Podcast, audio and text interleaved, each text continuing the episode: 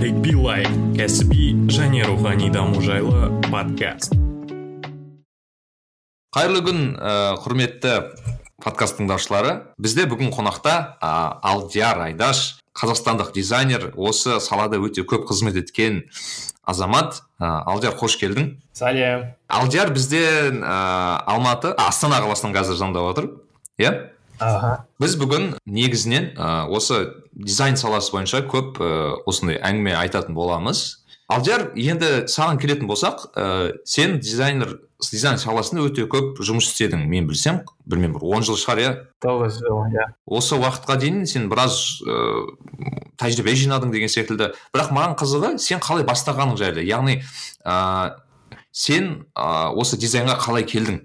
Неден басталды бұл қызығушылық. Я собирался стать архитектором А, когда школу заканчивал я поступал в казгасу вот в алмате потом пытался в политех. В общем не получилось с архитектурой А, в то время в целом веб не развивался в нашей стране об этом никто не знал. Поэтому я пошел мне, точнее, мама, мама говорит, вот, IT будет развиваться, такой, да, хорошо, пошел в IT, но в то время а, МУИ-то еще, кажется, так такого не было, поэтому а, я выбрал самый более-менее вариант а, КЗУ, Норхоз, факультет информационной технологии. И в целом все. И на третьем курсе уже начал развиваться а, веб-разработка в нашей стране, и я поймал эту волну. Это 2013, нет, 11 год, да. аха ыыы сонда он бірінші жылдан бері осы саладасың иә Да, работать я начал вот с 11 года. Ну, до этого я еще изучал, делал, но работать начал с 11 енді мындай сұрақ бар да. Көбісі осыны өзіне сұрақ қояды енді. Адам дизайнға келеді енді дизайнды бастаймын ау деп жүрген кезде орысша айтқанда как понять что это мое дейді короче. енді мен менің дизайн деген менікі екенін қалай түсінуге болады деген сұрақ болады да Да, сен это- осы сол сұраққа қалай жауап бердің э, өзіңе этот вопрос у всех, но у меня тоже периодически всегда возникает. А, вообще, в целом, на- в природе человек э, у- а, с развитием там, до 20 лет, он чему-то учится, а потом это все применяет. И все зависит от того, чему он научился до 20 лет. Если он научился продавать, то если у него хорошо получается продавать, то пусть продает. Не надо ему там в математику уходить. Если он рису, рисовал все это время, пусть дальше рисует и деньги за это зарабатывает. Я всегда рисовал, мне это нравилось, я всегда что-то придумывал, поэтому я просто выбрал направление, которое более-менее популярно стало. Я же говорю, я могу стать архитектором, но именно в то время именно IT-направление развивалось, поэтому я ушел туда и нашел себя в дизайне именно там. То есть надо делать то, что тебе нравится, то, что ты умеешь делать. Например, я могу, я умею там продавать, все, все это другое, но самое лучшее, что я умею делать, это дизайнить. Поэтому я, я этим занимаюсь. яғни адам өзі ғана енді суретке бір қызығушылығы болса бір сурет салып немесе білмеймін бір осындай бір творчестволық жаққа баг- бағыты жақын болса дизайнға баруға болады деген сөз иә Да, то, что у него получается. Если у него получается дизайнить, то пусть дизайнит. Если нет, то пусть не приближается.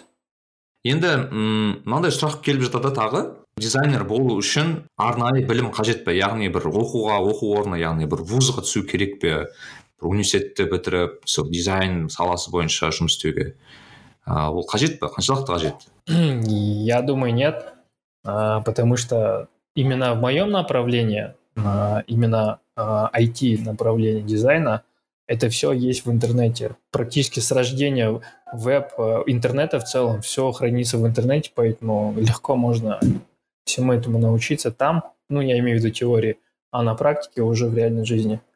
А что касается других направлений, архитектуры, интерьера или э, искусства, художества, это все, да, этому лучше учиться.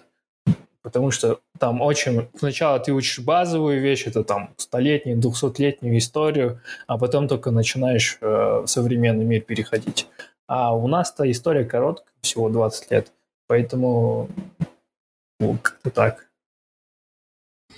А 20 лет деген кезде ол осы яғни ә, UI UX дизайн айтып тұрсың иә бұл жерде Да, вначале же это просто веб-дизайн был, потом а, начиная с 2010 года она уже начала разделяться там UI, UX, иә мен де келісемін. Негізі менің ойымша бұл сала өте жаңа болғандықтан ыыы бір университеттер оны үйретпейді сондықтан кез келген былай интернеттен немесе бір курс алып деген секілді да. дайындалуға болады история когда началась когда Apple выпустил iPhone смартфоны появились, вот, вот оттуда все это пошло. До этого это как было веб-разработка, интерфейс в самом грубом виде, ну, типа 1С и так далее. А уже после того, как смартфоны появились, это все очень быстро начало развиваться, и всему можно научиться в интернете, прочитать 50 книг по дизайну и отработать 5 лет в этой сфере, и ты будешь хорошим дизайнером. ә, мен енді бағанағы ә, дизайнның өзіне келсек ә, қазір менің білуімше екі түрлі дизайнның ә, направление дейді ғой. Бағыты бар. Ол бағанағы UI UX дизайн және ә, график дизайн дейді графический дизайн дейді көбінесе. Ә, осы қаншалықты дұрыс немесе ә, ну айырмашылығы неде деген сұрақ бар да бұл адамдар дизайн деген кезде онша түсіне білмейді ненің дизайнын айтып тұрғанын бұл жерде Так, давай я попроще попробую. А, Задача дизайна – это отличать что-то от другого, либо делать что-то удобнее, чем другое. Вот. Ам, Когда мы говорим отличить, а, это и графический дизайн, и веб-дизайн, все. Это значит упаковки, это значит а, иллюстрации, это значит все что угодно. А когда мы говорим удобство, это, а это уже инженерная часть, и она больше сейчас говорим UX. Так, а, давай еще проще попробую. UI, как бы это user interface, и это то, с чем человек взаимодействует. Это кнопки, это поля ввода, это э, ну, все вот все, что вот э, человек вводит, нажимает, это все user интерфейс. А, есть понятие как user experience, это то, как он вводит эти все данные в то, что нарисовано в user интерфейс. И есть графическая часть, она и она больше э, используется не в IT сфере, но она используется в виде иллюстраций, там, э, в виде э, 3D к- м, изображения, но в большинство случаев он используется на, ну, грубо говоря, в упаковках дизайна, в дизайне э, плакатов, в дизайне брошюр, в дизайне все, что печатается и клеится. Все, что печатается, клеится, вот. А, Но нужно учитывать, что еще есть дизайн логотипов, вот, а это уже а, относится, да, к графической части. А, Видишь, они тут пересекаются, но и просто ну, графическая часть, она больше оффлайновая, а user интерфейс, user experience, она больше онлайновая. Вот. Если, если вообще проще говорить. А, И поэтому, когда я говорю, кто, какой я дизайнер, я говорю веб-дизайнер. Это самое простое объяснение, когда ты веб это понятный интернет, а дизайнер значит дизайнер именно в интернете. Вот. Но в последнее время я развиваюсь в сторону графики, это иллюстрации, это логотипы, это упаковки, это все. И я соединяю все эти навыки, знания и развиваюсь дальше. То есть если я раньше был только он веб, то сейчас я и плюс графику и иллюстрации подключаю. Бірақ сен ә, бағанағы UI UX дизай- яғни веб дизайнер болып бастадың иә о баста. Ә, бұл салаға келген кезде. Да, потому что других не было названий. Был веб-разработчик и веб-дизайнер. енді еске түсірейік иә ә, сен сенің ең бірінші қадамдарың қандай болды? Яғни ә, бірінші проекттерің бірінші осылай қалай үйрендің деген сұрақ қой бұл жерде. Яғни сен айттың 2011 жылдары бұны бастадым. Енді бірінші қадамдарың қандай болды? Я начал программировать. Э, Я учил PHP один месяц. Это было очень сложно. Потом э, я узнал, что есть верстка, это CSS, это HTML. Я начал верстать примерно полгода. Вот. А потом логично вытекла оттуда потребность именно в дизайне. То есть раньше э, его не называли дизайном, А, а потом в процессе разработки сайта а, появился этап, когда нужно было придумать, прежде чем его сделать. Вот. И этот этап придумывания оказался дизайном. И именно этот этап у меня больше всего, лучше всего получался. То есть придумать, как сайт будет выглядеть. А, собственно, я это направление развивал, и я узнал, что это называется дизайном, и развивался именно в эту сторону. То есть уже кодинг я отбросил, потому что я не мог развиваться в две стороны, это занимало бы больше времени. Я выбрал дизайн для себя. яғни сен бағанағы кодингтан бастап кейін дизайнға ауысып кеттің өзің иә соны сезініп да, то есть э, сразу с дизайна начинать, э, не, в наше время такого не было. Сейчас-то можно вы начать с дизайна прям. В мое время такого не было. Нарик Билай кішігірім осындай бір step by step кішкене бір не айтсақ иә инструкция дейді ғой. Мысалы бір кісі ыыы дизайнмен айналыспаған бірақ осы дизайн саласына кіріп кіргісі келіп жатыр. Яғни ол өте қызықты.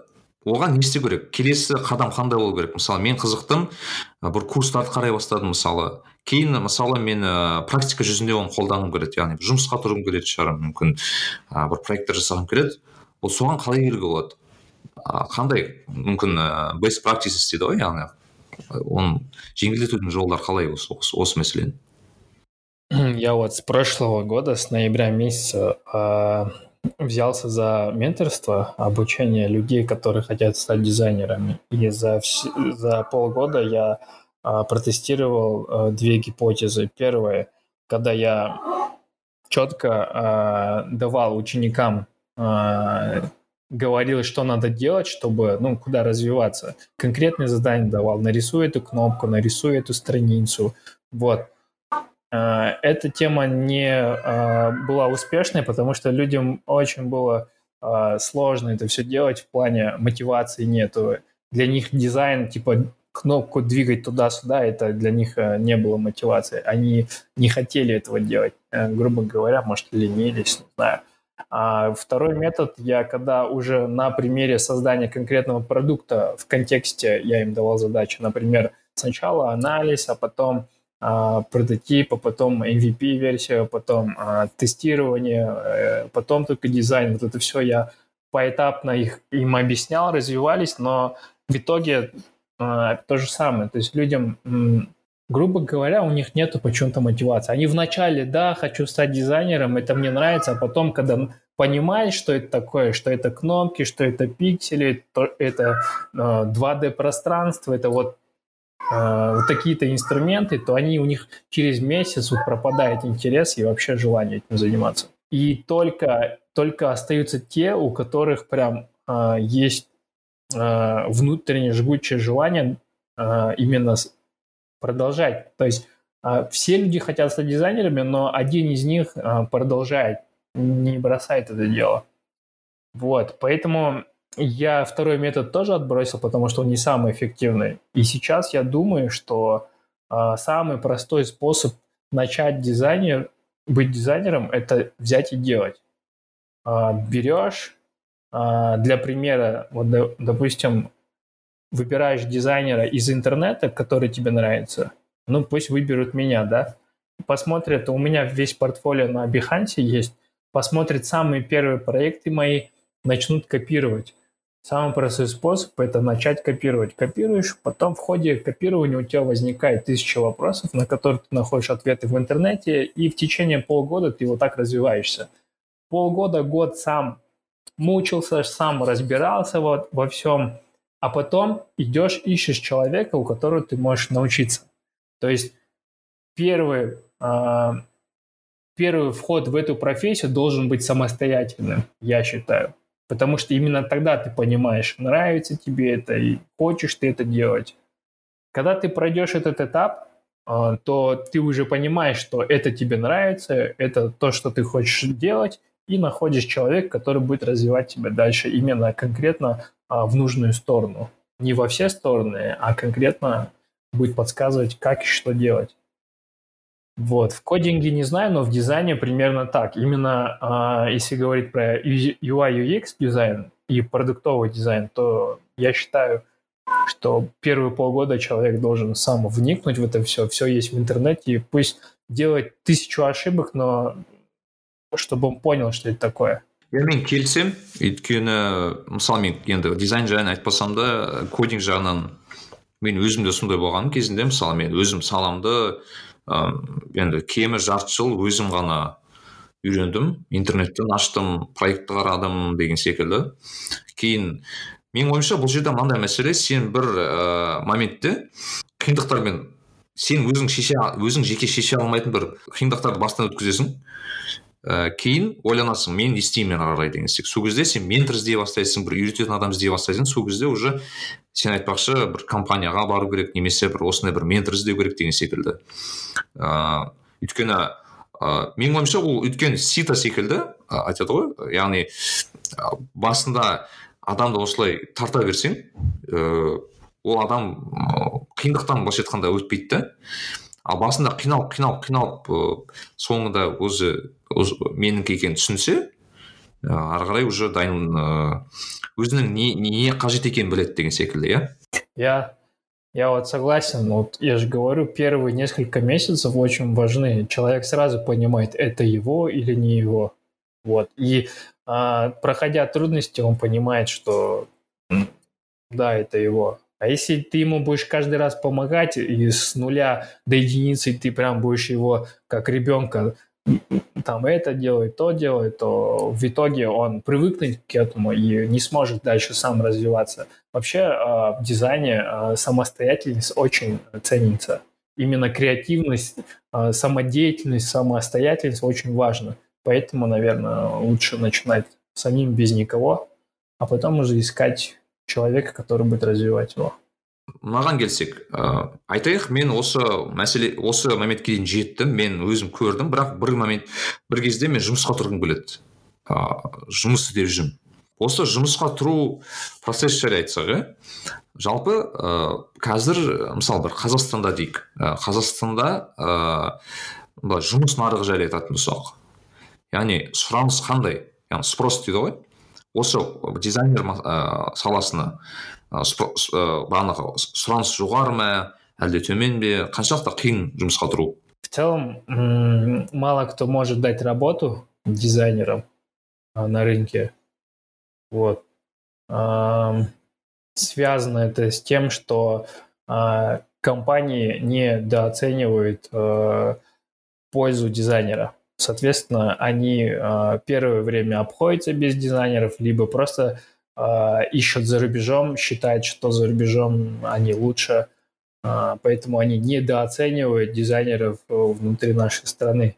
А наши, соответственно, работают на зарубеж, потому что ну, внутри страны э, не, дает, не, не находит спроса.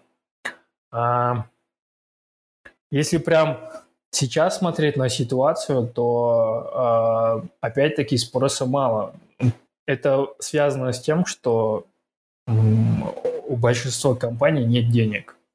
Они могут себе позволить программиста, потому что программист это очень важный человек, без, не, без которого не будет сайта или приложения. А без дизайнера можно сделать сайт и приложение.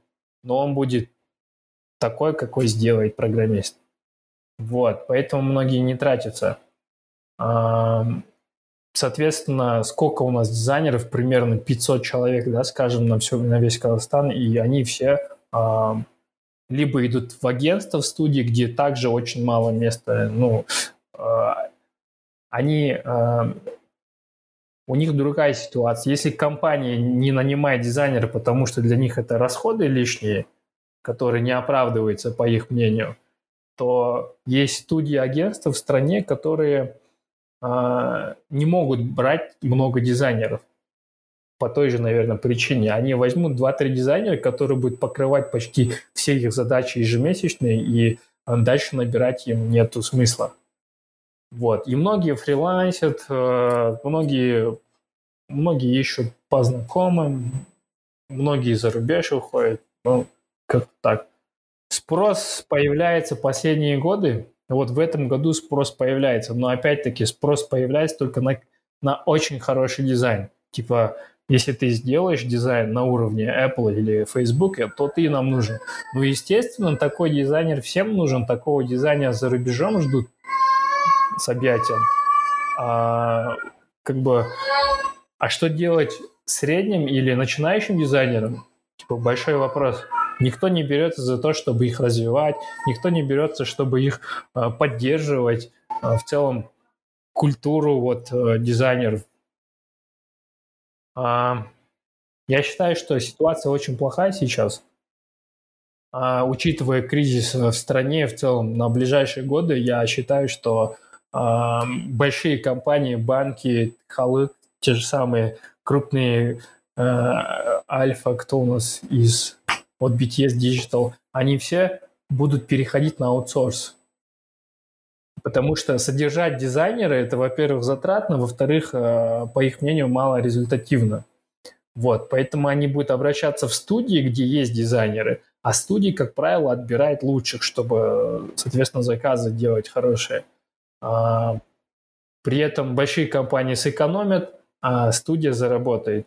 Но, а, ну, соответственно, студий немало в нашей стране. И, ну, в смысле, их мало. Соответственно, другим дизайнерам, типа, куда деваться?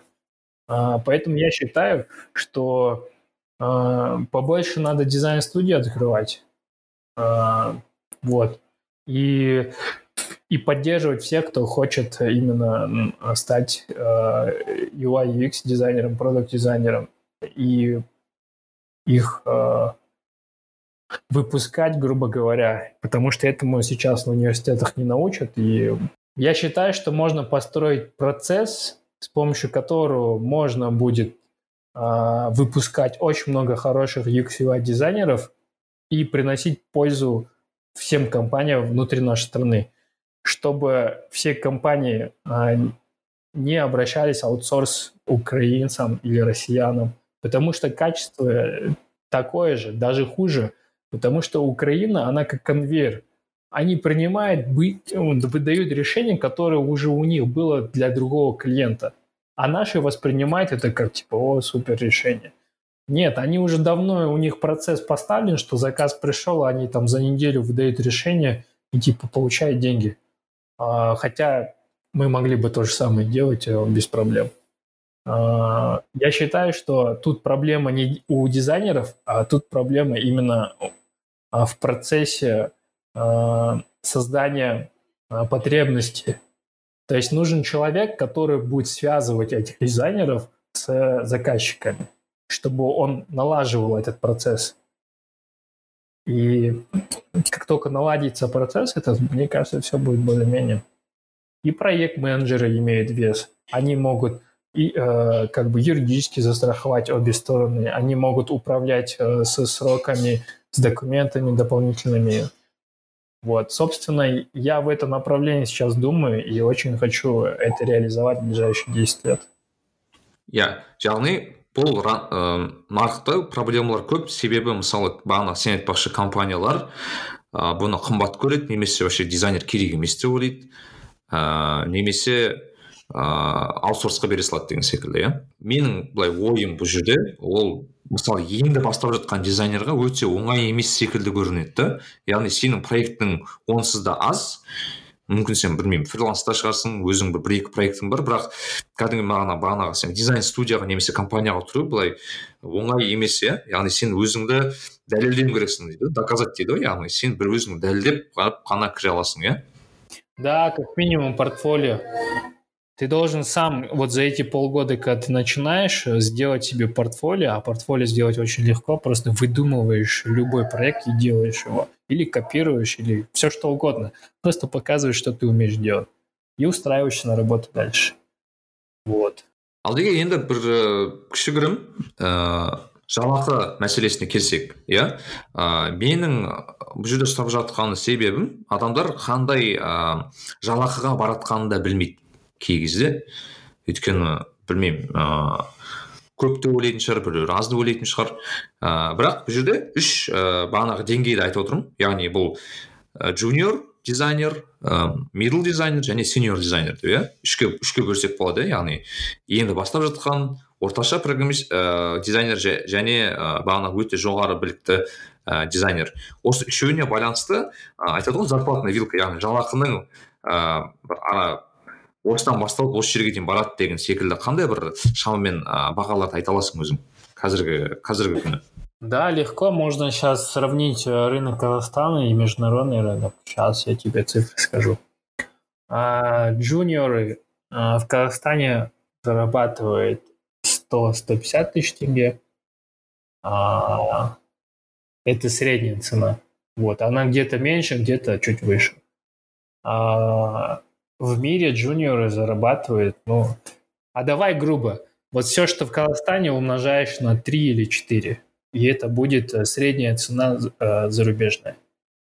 Когда говорю зарубежные, это, это э, Европа, Америка, Австралия, все это, все это вместе, потому что у них плюс-минус одинаковые расценки. А, вот. Давай на 4 умножать, да? Вот. 150 умножаешь на 4, и это международная цена. А middle в Казахстане может 300 зарабатывать в среднем где-то доходит до 500 тысяч, но это в больших компаниях только, а в среднем от 200 до 300. Вот. Причем хороший мидл может работать за 200, не зная о том, что он может зарабатывать больше в другой компании. Вот. Много так бывает, что хороший человек, дизайнер, зарабатывает меньше, чем тот, который продал себя за 300, но он умеет мало. Вот. Такое очень часто. Поэтому опять-таки нужен человек, который будет регулировать все это на рынке. К сожалению, такого преданного человека сейчас нету. А, есть синьор уровень. А, синьоры сейчас 600 тысяч зарабатывают а, на рынке. Это колеса, крыша, возможно. Это, возможно, большие студии, которые работают с банками. Возможно, а, вот. Но Опять-таки, если брать расценки международные, да, э, то синьоры это полтора миллиона тенге и выше. Вот. А, и есть э, лиды, вот, лид-дизайнеры, это, грубо говоря, арт-директоры, которые уже не только дизайном занимаются, но и бизнес-процессами могут заниматься, в целом продуктом заниматься. А, и его цена а, кстати, вот в Казахстане а, как раз-таки, наверное, полтора миллиона. Я не знаю насчет двух миллионов, вряд ли он дотянет до двух миллионов, потому что у нас нету потребности в крутых арт-директорах. У нас нету потребности ни в банках, ни в, в крупных инвестиционных э, фондах, нигде. И в студиях не, не нужен тебе крутой арт-директор. Э, достаточно ему платить там на уровне синьора, его будет выполнять роль арт-директора. А крутые арт-директоры, которые видят потенциал, они сразу оказываются в Америке или, или в Европе. Вот. И поэтому на нашем рынке, не знаю, мне кажется, пальцем пересчитать, кто может заплатить полтора-два миллиона арт-директору. А, соответственно, как-то так. өзің ойыңша мысалы миллион теңге немесе миллион теңгеден артық төлейтін компаниялар өте аз деп есептейсің иә аха иә менің ойымша бұл өте шындыққа жанасатын бағалар өйткені шынымен қазақстанда дизайнердің ә, бағасы өте төмен деп ойлаймын қазіргі. Мысалы бағанағы сен айтпақшы мысалы украина беларусь секілді мынау аутсорстағы мемлекеттердің даже солардың бағаларымен салыстырсақ қазақстанда арзан шығады қайда қайда арзан шығады бірақ менің ойымша бағана сен айтпақшы ә, жеке осындағы жеке меншік компаниялар отандық олар бағанағы біздің дизайнерларды онша елемейді немесе бағанағы европалық компанияларды мықтырақ санайтын шығар да к этому есть логическое объяснение потому что ни одна студия ни, э, ни одна команда дизайнеров у нас не имеет портфолио который мог бы там очаровать клиентов посмотришь на Э, самые крутые студии или, не знаю, команду дизайнеров сайта и ничего не увидишь. В этом вся причина. Нужно создавать такое портфолио, как, грубо говоря, самый банальный Артем Лебедев. Создал сайт и давай лепить проекты, и настолько круто это делать, что э, о тебе будет говорить, а потом готово тебе будет заплатить. Тут важен именно столько, сколько проектов ты сделаешь, какого качества, какого уровня ты сделаешь. А, это все надо уметь продать, еще не просто сделать.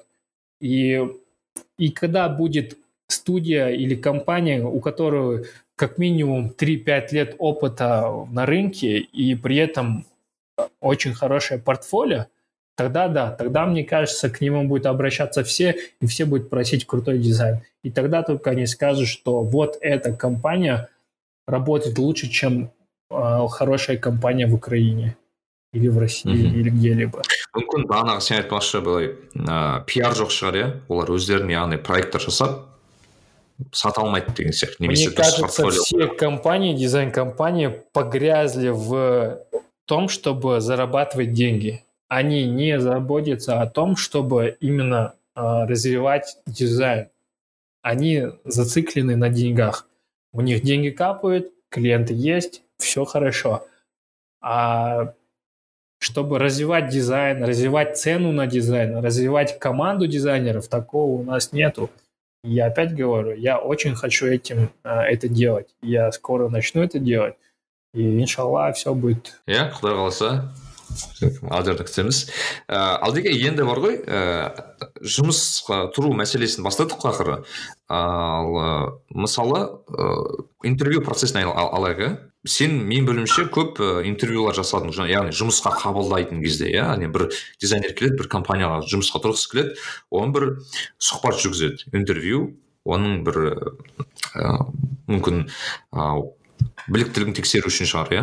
Енді интервью процесін кішкене тереңірек ә, түсіндірсек қалай болады? Интер... мен мысалы программисттің білемін да ә, интервьюң қалай өтетінін. Бірақ ә, дизайнердің ешқашан естімеппін қалай болатынын интервьюлар. Кішкене осыны түсіндіріп жібересің ба да окей. В нашей стране все просто.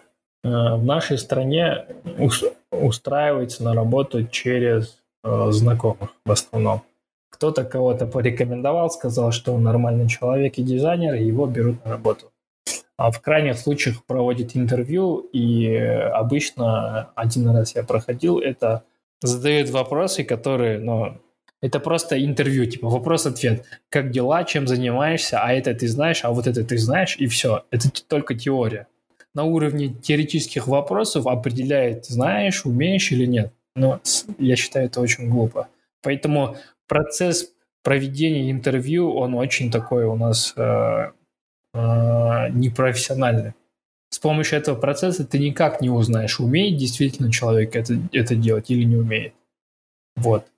А, а что делают за рубежом? Они, они, помимо теоретического, они пытаются действительно понять, умеешь ты это делать или нет. То есть они больше акцент делают на понимание твоей сущности, что ты на самом деле умеешь делать, а что нет. Вдруг э, во время интервью они увидят у тебя ту сторону, которая в их компании требуется, и предложат тебе другой офер. Вот. Когда я проходил с букингом лондонской, я сначала поговорил с человеком, который ищет талантов, просто о жизни, а в целом а, о дизайне, как люди, просто.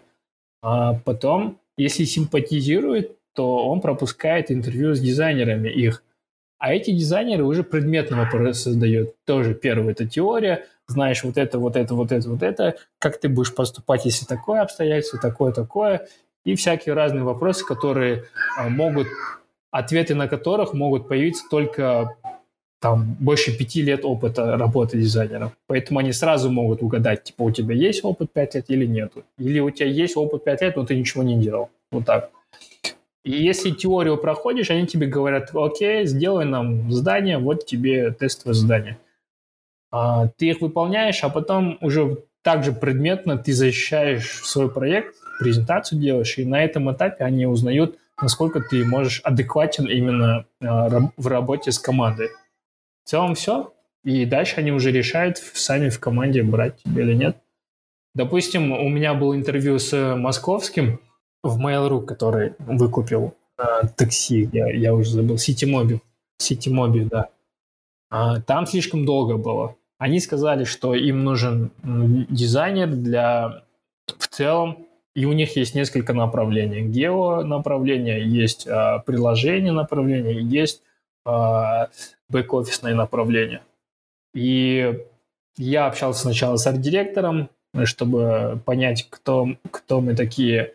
Он опрувнул, сказал, типа, теорию он знает, хороший человек, пустил меня к а, продукт-менеджеру конкретного геопродукта. А, сначала я сделал ему тестовый, потом арт-директор опрувнул, сказал, все окей, иди общайся с продукт-менеджером. Продукт-менеджер именно по гео был, и он там начал задавать мне помимо продуктовой части дизайнерские вопросы, которые должен был задавать вроде бы арт-директор. То есть он начал спрашивать, читаешь ли эту книгу, знаешь ты эту книгу, такого автора, такого. В общем, все зависит от того, с каким человеком ты свяжешься. Он, грубо говоря, строил из себя умника, и мне уже некомфортно было с ним общаться. Э, в любом случае надо искать э, людей, с которыми тебе будет весело работать, а не стрёмно. Поэтому как мог, я ему ответил, чтобы не обидеть. Вот. И в итоге они мне заявили, что им нужен дизайнер с опытом работы по картографии. Я такой, к сожалению, это не я. Вот. Но я думаю, причина была не в этом, а просто э, я не понравился продукт менеджеру Вот.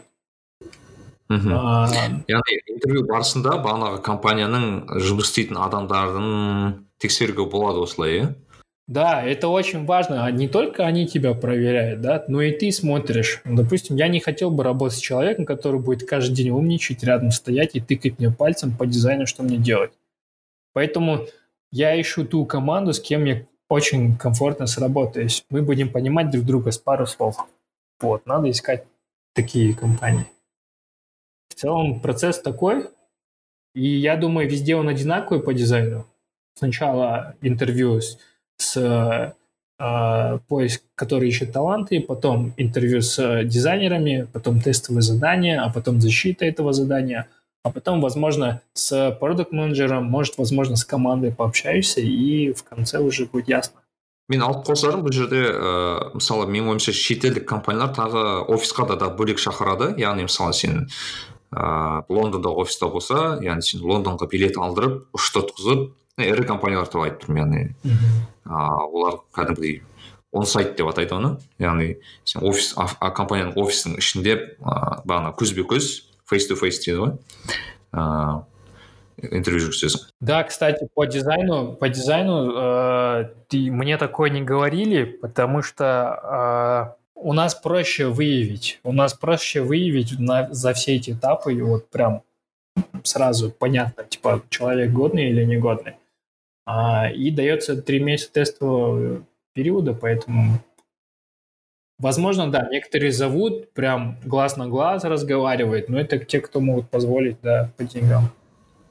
иә ол ірі компаниялар ғана енді сен бағана ә, портфолио жайлы айттың иә? Яғни кез келген дизайнердің өзінің белгілі бір портфолиосы болу керек. Енді мен білуімше дизайнерлердің көбі behance деген сайтты қолданады сен айтқан иә? Яғни behance деген ә, менің ойымша бір соц әлеуметтік желі десем болады иә дизайнерлер яғни социаль социальный сеть секілді өздерінің бір ә, не ә, жұмыстарын қойып өздерін белгілеп деген секілді. Осы платформа жайлы кішкене айтып өтесің ба бұл не үшін қажет бұл? А конкретно Behance нужен нужен чтобы искать клиентов за рубежом. Потому что все компании всем кому нужен дизайн ищут дизайнеров именно на Behance. А Behance позволяет в полной мере описывать свои продукты. То есть тяжелые картинки, описание, видео, все можно выкладывать и подробно расписывать, что ты умеешь делать. Поэтому он ценится этим. Первый – поиск зарубежных клиентов. Второй – это все, что угодно можно описать там. Есть Dribble, Dribble э, сайт, тоже социальная сеть дизайнеров, но там а, также ищут зарубежных клиентов, но это больше для привлечения внимания. То есть не конкретно вот... А, там просто одни картинки. Ты можешь публиковать одну картинку. Типа это шоты называются, дизайн-шоты. И это как в Инстаграме. Одна картинка, описание. Я конкретно не знаю, для чего Dribble используется для, у дизайнеров. Возможно, просто как показать, что он умеет. Потому что когда ты Behance проект оформляешь, это занимает очень много времени. Ты должен красиво все понятно расписать, и это там порой месяц занимает заполнение одного проекта. А в дрибле ты зашел, просто одну картинку за ночь сделал, и я публиковал. Но при этом он показывает твои навыки, то, что ты умеешь. Именно в определенной части. А, поэтому есть дрибл, есть Behance, и она вот кому что удобно, там и публикует работу. Естественно, можно сделать свой сайт и просто кидать картинки, всякое делать на своем сайте. Можно PDF-файл в интернете где-то загрузить и просто ссылку кидать всем но очень профессионально выглядит, когда именно а, есть страница на Behance, где есть твое портфолио, где люди оценили уже твою работу, чтобы другим клиентам проще было а, понять, хороший дизайн или нехороший. И как-то так. Но при этом ценится, когда у тебя свой сайт есть. Но не обязательно, но когда у тебя есть свой сайт, просто хотя бы одна страница о том, кто ты такой, то это очень влияет на решение клиентов нарик билай енді қазақстандағы бағанағы дизайн ә, дизайнға келсек иә м менің білуімше қазақстанда ә, соңғы жылдары осындай бір митаптар конференциялар жүріп жатыр иә? Неше түрлі мысалы ә, белгілі бір дизайнерлерді шақырып мүмкін воркшоп жасайды немесе бір хакатон жасайды деген секілді. Ыыы сен не айта аласың ультра ол қаншалықты бізде дамыған және ыыы ол былайша айтқанда қаншалықты көмегі бар одан? Я считаю, что все ивенты всемирные, локальные, все они, у них одна цель. Это потусить, попить кофе. Посмотреть, что есть другие дизайнеры, пожать им руки, познакомиться, пригласить, попить кофе. Вот для этого используется. Ты там не получишь... Да, нетворкинг, ты там не получишь никакие знания, ничего нового, все есть в интернете. Вот. Это чисто для того, чтобы развивать нетворкинг. Поэтому э, это полезно с точки зрения э, того, что дизайнеры кучкуются в одном месте. Вот. Э, у них свой комьюнити развивается, это все круто. С точки зрения знаний никакой пользы а, но как social event это, это очень важно, я считаю. Надо идти, надо пить кофе, надо знакомиться, надо развеяться, надо пешком ходить. Вот это все в целом есть польза, я считаю. Я, кстати, ходил только на пару из них. А, ну, так как у меня не было цели нетворкинг, там, зарабатывать, поэтому я практически всех знал и знаю сейчас, поэтому я никуда не хожу. А, я стараюсь онлайн развиваться. Я хочу, чтобы как можно больше дизайнеров узнали обо мне и пытались что-то от меня взять, именно опыта. А, я делюсь, я открыт, я всегда всем подсказываю, всем, кто задает вопрос. Поэтому welcome. мынандай бір дилемма бар да дизайнерлердің мысалы сен бір компанияға жұмысқа тұра аласың ә, яғни бұл дизайн студия мүмкін веб студия болуы мүмкін немесе бір кәдімгідей ыыы продукт компани болуы мүмкін. М және сен фрилансқа кетуі мүмкінсің. Яғни жеке өзің кәсіпкер ретінде заказдар қабылдап өзің орындап өзің ақша алып ыыы деген секілді иә. Осы дилемманы қалай ә, шешуге болады? Яғни қайсысы дұрыс қайсысы бұрыс бұл жерде? Қалай түсінуге болады сенікі қайсысы ә, жеңілірек мүмкін саған жақынырақ қайсысы екенін білуге болады? Я понял. А, смотри, давай возьмем отрезок от 20 до 30 лет, это 10 лет. Когда ты только начинаешь карьеру дизайна, ты начинаешь с фриланса, потому что тебя просто так в студию не возьмут, просто так в компанию не возьмут. Поэтому ты начинаешь делать всем все, и где-то пару лет ты этим занимаешься.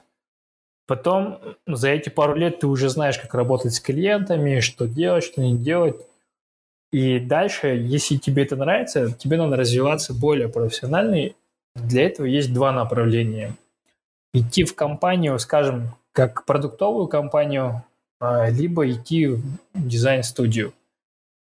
И там, и тут свои плюсы и минусы, и если кратко, то э, в компаниях как давай просто Каспи, да, KZ, ты заходишь туда как дизайнер, там есть команда разработчиков, команда аналитиков, команда юксеров, команда всего, и ты э, учишься у всех всему, и при этом дизайну дальше развиваешься. Это, это а, разработка одного или нескольких продуктов внутри а, большой компании, и ты всегда в контексте чего-то. И непрерывно несколько лет развиваться в этой среде также очень полезно. Есть другое направление, идешь в дизайн-студию, и ты там делаешь все, что можно по дизайну. Это логотипы, брошюрки, картинки, иллюстрации, дизайн, все-все-все. И э, ты налаживаешь работу с разработчиками, в целом по, с клиентами также. Но ты видишь больше э, опыта, больше разносторонности э, именно по дизайну. А, но в конце концов а, ты должен перенять и оттуда, и отсюда. И в конце, когда ты дорастаешь до уровня синьора, ты должен уже иметь опыт и там, и тут, чтобы понимать, как это делается там и как это делается тут. А, и когда все эти знания у тебя накапливаются в едино, то тогда уже у тебя встает следующий вопрос. Если тебе это все еще нравится, то ты растешь до арт-директора. Если тебе это не нравится, то ты бросаешь. А когда идешь на арт-директора, ты уже не делишься, ты делаешь все. Ты, ты можешь делать и продуктовую часть, ты можешь делать и студийную часть, ты дальше уже в бизнес уходишь и дальше растешь.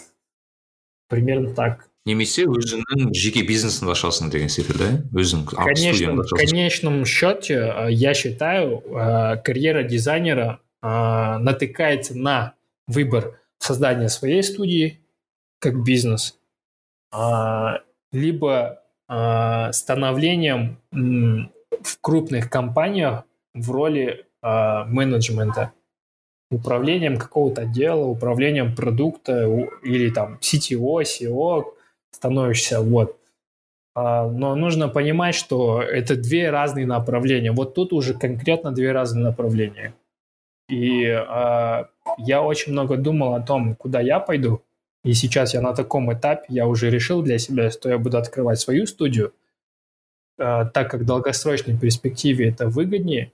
И так как я очень э, люблю свое дело, и я просто хочу этим заниматься, но при этом, чтобы это приносило деньги. Если бы я пошел бы в менеджмент, то это знакомство с тысячами другими менеджмент людьми, которые чем-то управляют. Это, а, это уже нетворкинг, это общение с людьми, решение таких сложных задач, как типа по деньгам, решение компании. Это, я не говорю, что это сложно, я говорю, что это неприятно. Потому что у каждой компании свои требования, свои хитрости, свои эти, и можно погрязнуть. Если за рубежом это более-менее развито, ты можешь как личность развиваться, стать директором э, половины компании и развивать его дальше, получать дивиденды и все такое, акции. Но в нашей стране, чтобы управлять частью хотя бы какой-то компании, это тебе нужно дружить со всеми другими начальниками, которые могут быть и хорошими, и плохими. В основном они плохие. Вот. Плохие я имею в виду а, ментальность, наверное все, а, все упирается на деньги. А, мало кто хочет реально развивать что-то. Вот, поэтому мы решили с семьей, что мы хотим жить в Казахстане, вот, в целом, как базисно. Поэтому, если мы решили жить в Казахстане, то я выбрал студию открывать, потому что с местными руководителями я уж точно не хочу связываться. Я өзің шешкің келіп тұр проблеманы енді а, я, наверное, не буду дальше связываться, я просто буду делать то, что я умею, и просто найду партнера, который будет решать все эти вопросы. Просто есть же люди, которым это нравится. Общение, решение. Пусть он этим занимается. Енді ә, отандық компанияларға келетін болсақ ә, сен енді көбісімен жұмыс істедің көбісін танисың. Қандай компанияларды сен бөліп өте аласың? Мысалы білмеймін мысалы каспи kz деген сияқты немесе колеса бтс бағанағы чоко деген сияқты компаниялар бар. Ә, осы бір танымал компаниялардың ішінен қай компания ә, дизайнға көңіл бөледі деп ойлайсың? Қазақстандық именно компанияларды алатын болсақ. Яғни кәдімгідей дизайн ыыы дизайнерлерді жалдап дизайнмен жұмыс істейтін компаниялар бар ма бізде нету нету у всех есть дизайнеры э, и это больше для галочки. Что делают дизайнеры у них в компании? Я считаю, что они делают ровно то, что им скажут. А, я понимаю, что это командная работа, там работает там на один продукт больше 10 человек, а, но у них одна цель, у них их не волнует, скажем, в целом как искусство, как культура, вот это все, его нету ни в одной компании.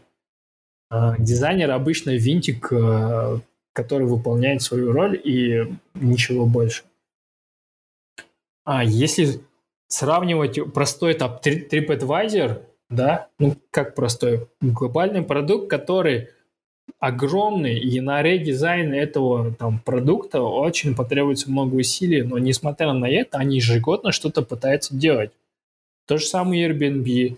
Они вкладывают э, ресурсы на то, чтобы быть удобнее, быть красивее, быть э, полезнее. А тот же самый Facebook, Instagram каждые полгода меняется. А что творится у нас? Один дизайн на 5 лет, как минимум.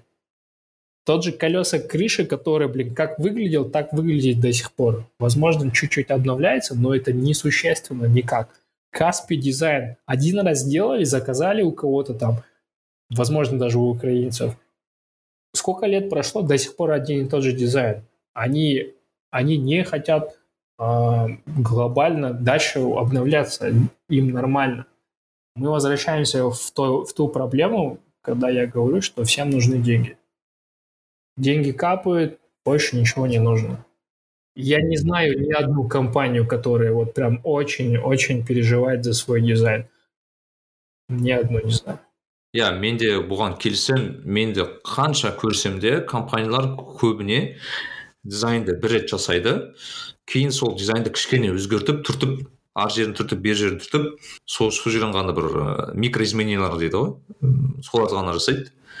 А былай мысалы мен айтарым мысалы шетелдік компанияларда ыыы дизайнға арнайы бюджет бөлінеді компаниядан. Яғни ыыы мысалы эксперимент дейді ғой. Ыыы бір компания бір түсінеді біз дамуымыз керек.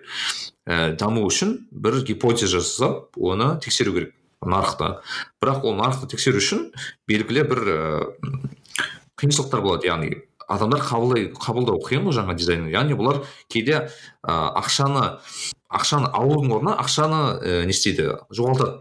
Ә, яғни сондай плюс минус осындай жағдайда. Бірақ ә, менің білуімше көп компаниялар ірі компаниялар соған арнайы бюджет бөліп мысалы осы экспериментқа айтайық бір миллион доллар бөлеміз. Ә, яғни егер бірақ оларда мынандай мәселе бар. Егер осы миллион доллар осы бір белгілі уақытта біз миллион минус миллион долларға кетпесек значит біз дұрыс эксперимент жасамаймыз значит біз дамып жатырмыз деген сондай бір даже ә, не бар ә, показатель ғой яғни осы мәселемен көреді.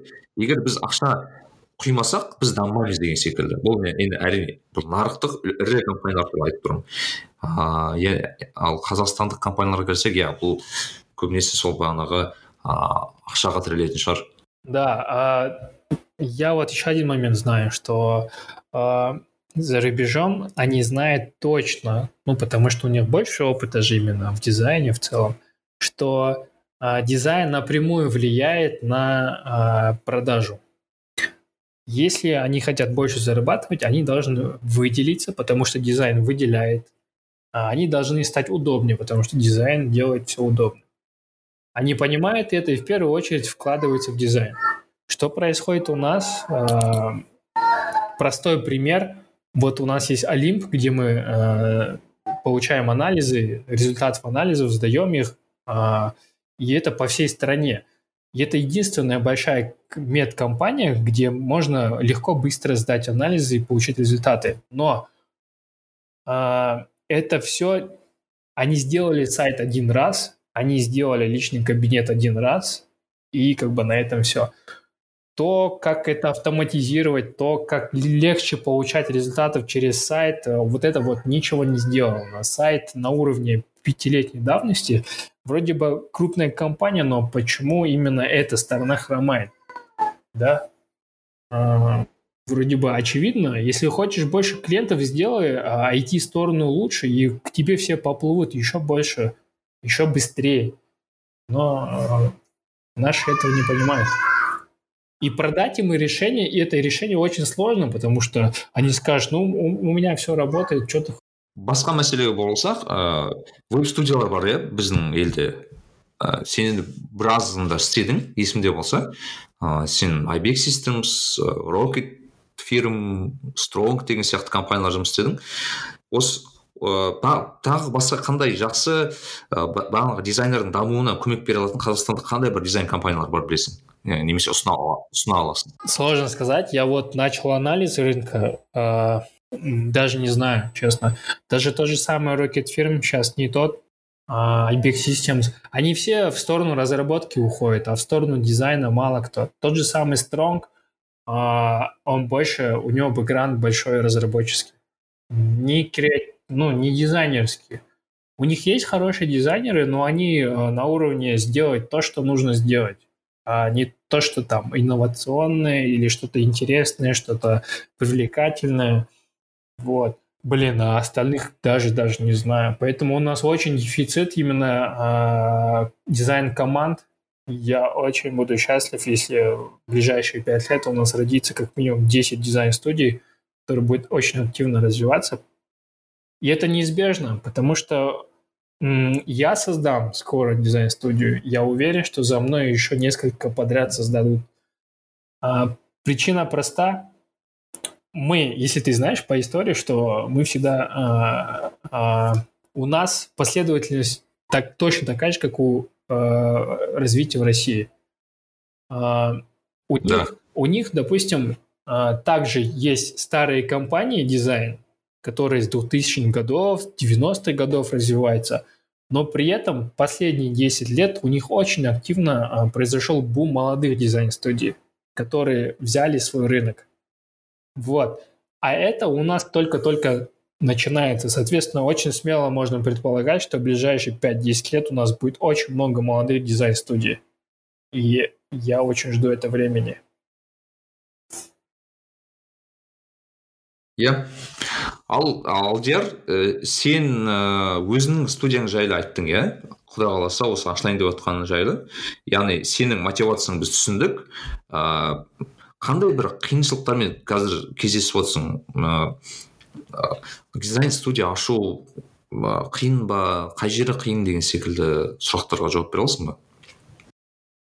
Я вот в партнерстве работал с московской студией, студией в Австралии. Я знаю практически всю кухню, как это работает. А, договора с клиентами, заполнение а, технического задания, выполнение, оплаты, все эти нюансы. Там все просто. А, никаких сложностей с юридической части, просто открываешь там юридическое лицо, создаешь там несколько договоров, которые тебе нужно открываешь счет в банке э, и находишь клиентов. И когда я, и когда я спрашивал, э, советовался с ребятами, вот тот же самый Жульен, он, я ему говорю, типа, самый, расскажи мне самую важную вещь в работе дизайн-студии. Он мне такой, самое важное то, когда ты просыпаешься, когда ты хочешь, и делаешь проекты, когда ты хочешь. А, ну, тут типа двоякое значение, но я считаю, что он имел в виду, а, это должно тебе нравиться. Это должно тебе нравиться в любое время суток, когда ты просыпаешься или когда ты думаешь об этом. А, когда я спросил у московского, а, у этого директора студии, ну, оунера, а, он ответил, что он просто умеет управлять проектами. Uh, у него это хорошо получается, и заказы приходят, и он просто регулирует заказы и получает деньги. Это не основное то, что ему нужно, но это приносит деньги, и он рад. Он этим занимается, как uh, вторая его компания. Вот. И возвращаясь ко мне, uh, самое важное Сложностей, опять говорю, нету. очень важно не знать разницу между это действительно то, чем ты хочешь заниматься в ближайшие 10-20 лет, или это то, ради э, которое просто будет приносить тебе деньги. Вот. И ты должен решиться, ты ради денег это делаешь, или ты делаешь, потому что тебе это нравится, и ты живешь дизайном. И ты должен сделать правильный выбор и не соврать себе. Если ты ради денег делаешь, лучше не заниматься этим там свои нюансы. Если ты то, ради дизайна, то, пожалуйста, занимайся студией, потому что именно этим могут заниматься те, которые реально болеют дизайн. Если ты хочешь деньги, займись чем-нибудь другим. Много же направлений бизнеса. Вот. Сложность именно в выборе, наверное. Потому что именно как бизнес э, дизайн-студия очень э, не маржинальный, не скажу, что там маржа большая, с точки зрения э, порога входа и развития быстрого, он очень, очень простой и очень выгодный по сравнению с другими бизнесами. И он стоимости обычно там, среднего рынка. Поэтому он очень прибыльный. Поэтому всех манит вот это вот желание на этом заработать. Ал деген сізге өте неден андай сәттілік тілейміз осы жылда құдай қаласа менің ойымша бір бірден бір компания болатын секілді. Иә менің бір соңғы сұрағым бұл жерде ә, сен шетелдік компаниялармен шетелдік клиенттермен нақтырақ айтсақ ә, жұмыс істеп көрдің иә?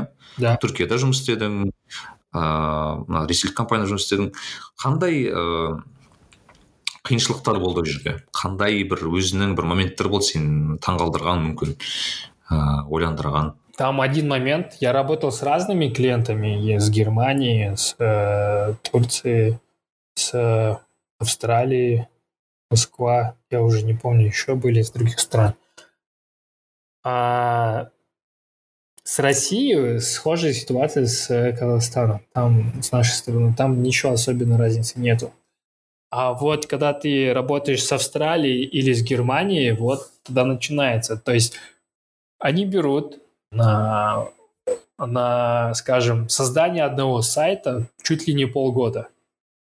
Они полностью прорисовывают э, флоу, как все должно работать. Они изучают э, UX, у них специальный человек приходит и начинает свою схему рисовать. Под эту схему ты стараешься потом UI подогнать, а потом приходит арт-директор и все это пытается обварить, продать клиенту. Клиент приходит, вводит свои изменения, и это бесконечно может там два месяца вот от каши вариться. Без проблем может продукт менеджер прийти и вставить свои пять палок и сказать, что вот, э, Инстаграм так делает, и мы тоже так будем делать. Airbnb это уже протестировал, и надо кнопку именно вот сюда вставить, понимаешь? Они настолько начитанные, настолько опытные, что они все, все исследования знают, они могут... И когда в один проект подключается вот 5-10 специалистов, которые прям круто знают свое дело, то эта работа превращается в, в итоге через полгода суперпроект. И это разница. У нас э, в один проект вовлекается как как максимум дизайнер, менеджер и арт-директор, возможно, еще кто-то, и все. На этом компетенции заканчиваются, потому что денег не хватит на других чуваков. И эти 3-4 человека пытаются сделать хороший сайт. И они даже понятия не имеют, как делать UX-исследования, на какие метрики смотреть, какие опыты были у тот же самый Airbnb при создании такого же сайта. То есть э, мало информации, мало опыта, соответственно, выходит, э, ну и мало бюджета. Если бы бюджет, скажем, был бы на там 100 миллионов тенге на один сайт, и такой с удовольствием просидел бы полгода, изучил бы все, что можно, сделал бы очень хороший сайт. Но потребности нету, понимаешь? Э, клиенту нужно вот это, и этого достаточно. И ты такой, на, возьми это, и он доволен.